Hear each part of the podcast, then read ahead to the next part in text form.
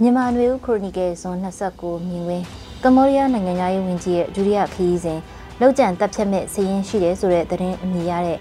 မိုးမခအဆောင်ပါလေးဖြစ်ပါတယ်။တနစ်ကျော်ကြာလာပြီဖြစ်တဲ့အာဆီယံရဲ့သဘောတူညီမှုအချက်၅ချက်ကိုအကောင့်ထဲမဖော်နိုင်သေးတဲ့အချိန်မှာမြန်မာအရေးအာဆီယံအထူးကိုယ်စားလှယ်ရဲ့ဒုတိယမြောက်ခရီးစဉ်အဖြစ်မြန်မာနိုင်ငံကိုဒီနေ့စတင်ရောက်ရှိလာပါတယ်။မြန်မာအရေးကိုအာဆီယံကအဓိကကြားဝင်ဆောင်ရွက်ဖို့နိုင်ငံတကာကထောက်ခံအသိမှတ်ပြုထားကြပြီး ကျန်တဲ့အင်အားကြီးနိုင်ငံတွေဖြစ်တဲ့တရုတ်အမေရိကန်တို့ကလည်းအာဆီယံကကြားဝင်ဆောင်ရွက်မှုကိုသဘောတူထောက်ခံထားကြတာဖြစ်ပါတယ်။စစ်ကောင်စီအနေနဲ့တရုတ်နိုင်ငံကိုလည်းအရင်အရင်စစ်အစိုးရလောက်လိစက်တဲ့ဆက်ဆံရေးမရှိသလိုတရုတ်နိုင်ငံကလည်းမြန်မာစစ်တပ်ကိုလက်နက်အတိကထောက်ပံ့သူမဟုတ်တဲ့အနေအထားကြောင့်ရောတိုင်းသားလက်နက်ကိုင်အဖွဲ့အချို့ပေါ်တရုတ်နိုင်ငံကဩဇာရှိတဲ့အဖြစ်ကိုစစ်ကောင်စီခေါင်းဆောင်တွေကမကြေလည်မှုတွေအာဏာမသိမ်းမီကလေးကရှိခဲ့တာတွေအကြောင်းခံပြီးတရုတ်နဲ့အာဏာသိမ်းစစ်ကောင်စီရဲ့ဆက်ဆံရေးကဒီလောက်မနီးစပ်တာတွေ့ရပါတယ်။ အမေရိကန်နဲ့အနောက်ဥရောပနိုင်ငံအနေနဲ့လည်းဖိအားပေးတာမျိုးပဲတက်လာပြီးဒီထက်ပိုတဲ့ဩဇာမရှိတာတွေ့ရပါတယ်။မြန်မာနိုင်ငံရဲ့အကြက်အတဲဟာအမေရိကန်ဖို့ဓာတ်ရိုက်ကြိုးစည်းဝါးကြီးကြီးမားမားမရှိတာကြောင့်ရော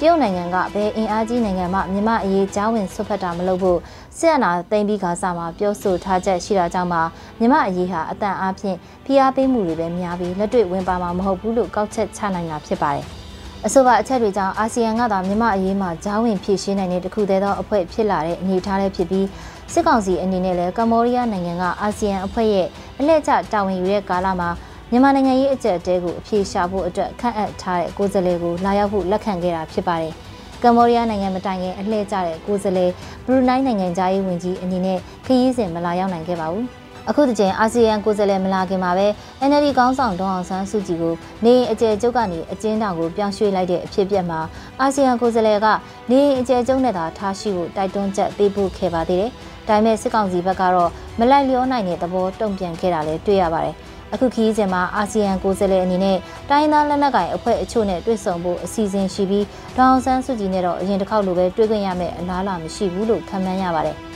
9ရက်ကြာခီးစဉ်မှာဘာတွေဆောင်ရွက်နိုင်မလဲဆိုတာတော့ဆက်လက်စောင့်ကြည့်ရမယ့်သဘောလည်းဖြစ်ပါတယ်။ဒီနေ့အဖို့အခြားသတင်းထွက်ပေါ်နေတဲ့အကြောင်းအရာတစ်ခုကတော့အမျိုးသားညီညွတ်ရေးအစိုးရဘက်က၎င်းတို့ကိုစန့်ကျင်သူဝေဖန်ပြောဆိုနေတဲ့ထင်ရှားတဲ့နိုင်ငံရေးသမားနိုင်ငံရေးပါတီဝင်တွေနဲ့တတိပုဂ္ဂလပုဂ္ဂိုလ်အချို့ကိုလှုပ်ကြံတက်ဖြတ်မဲ့စည်ရင်ရှိတယ်ဆိုပြီးဒုတိယအကြိမ်ကောလာဟလသတင်းထွက်ရှိလာတဲ့အကြောင်းကိစ္စဖြစ်ပါတယ်။ပြစ်မှတ်ထားခံရသူတွေကအထူးသဖြင့်ပြည်သူ့ပါတီခေါင်းဆောင်ဦးကိုကိုကြီးအပါအဝင် ပြည်내နဲ့တိုင်းပြည်သူ့ပါတီခေါင်းဆောင်အချို့ရန်ကုန်ကနိုင်ငံရေးဝေဖန်သူတချို့ပါတယ်ဆိုတဲ့အကြောင်းကိုဆိုရှယ်မီဒီယာမှာတယောက်ကတင်ခဲ့ပြီးသတင်းထွက်ပေါ်နေတာဖြစ်ပါတယ်။ NUG အနေနဲ့အခုလိုကိစ္စနဲ့ဆွဆွဲခံရတာဟာအခုချိန်နဲ့ဆိုရင်ဒုတိယအကြိမ်ရှိပြီဖြစ်ပါတယ်။ပထမအကြိမ်မှာငင်းငင်းရေးစင်တာလိုတိုင်းရင်းသားလက်နက်ကိုင်အဖွဲ့တွေနဲ့ဆွေးနွေးရမှာကျွမ်းကျင်သူအဖြစ်ပါဝင်ခဲ့ကြတဲ့သူတချို့ကိုပြစ်မှတ်ထားစည်ရင်တို့ထားတယ်ဆိုတဲ့သတင်းတွေထပ်ပေါ်ပြီး NUG အနေနဲ့မီဒီယာကိုတရားဝင်ရှင်းလင်းခဲ့ရတာရှိပါတယ်။ဘာကြောင့် NUG ကိုအခုလိုကိစ္စတွေကိုလှုံ့ဆော်ဖို့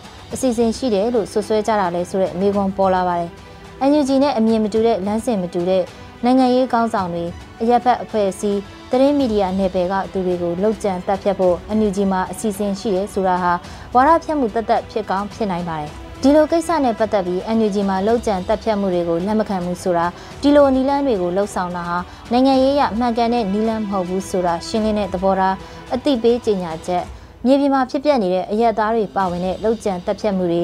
တနည်းအားဖြင့်ဒလန်ရှင်းလင်းရေးလှုပ်ဆောင်မှုတွေနဲ့ပတ်သက်လို့နိုင်ငံရေးရည်တည်ချက်ရှင်းရှင်းလင်းလင်းအတိပေးဖို့လိုသလိုမြေပြင်မှာအဆိုပါဖြစ်ရမျိုးဖြစ်ပွားနေရင်လည်းစုံစမ်းစစ်ဆေးမှုတွေလှုပ်ဆောင်ပြီးအရေးယူတာမျိုးတွေလုပ်ဖို့လိုအပ်လိမ့်မယ်လို့ထင်ပါတယ်။အဲ့လိုနိုင်ငံရေးရလှုပ်ကြံတက်ဖြတ်မှုတွေကိုမထိန်သိမ်းနိုင်ခဲ့ရင်တဖြည်းဖြည်းနဲ့တော်လန်ရေးရဲ့ဂုံသတင်းကိုထိပါစေနိုင်တဲ့အနေအထားမျိုးရှိလာနိုင်တာဖြစ်ပါတယ်။ လောက်ကျန်တက်ဖြတ်မှုတွေရဲ့အကျိုးဆက်ကတစ်ဖက်နဲ့တစ်ဖက်လက်စားချေမှုတွေစီကိုသာဥတီစေနိုင်ပြီးနိုင်ငံရေးရည်ရွယ်ချက်ကိုအထောက်ပံ့ပေးဖို့ထက်နိုင်ငံရေးအင်အားစုတွေအကြားအကြမ်းဖက်လောက်ကျန်တက်ဖြတ်မှုတွေကိုပိုကြီးထွားလာစေနိုင်တာဖြစ်ပါတယ်။ကျွန်မຫນွေဦးလေးပြပါ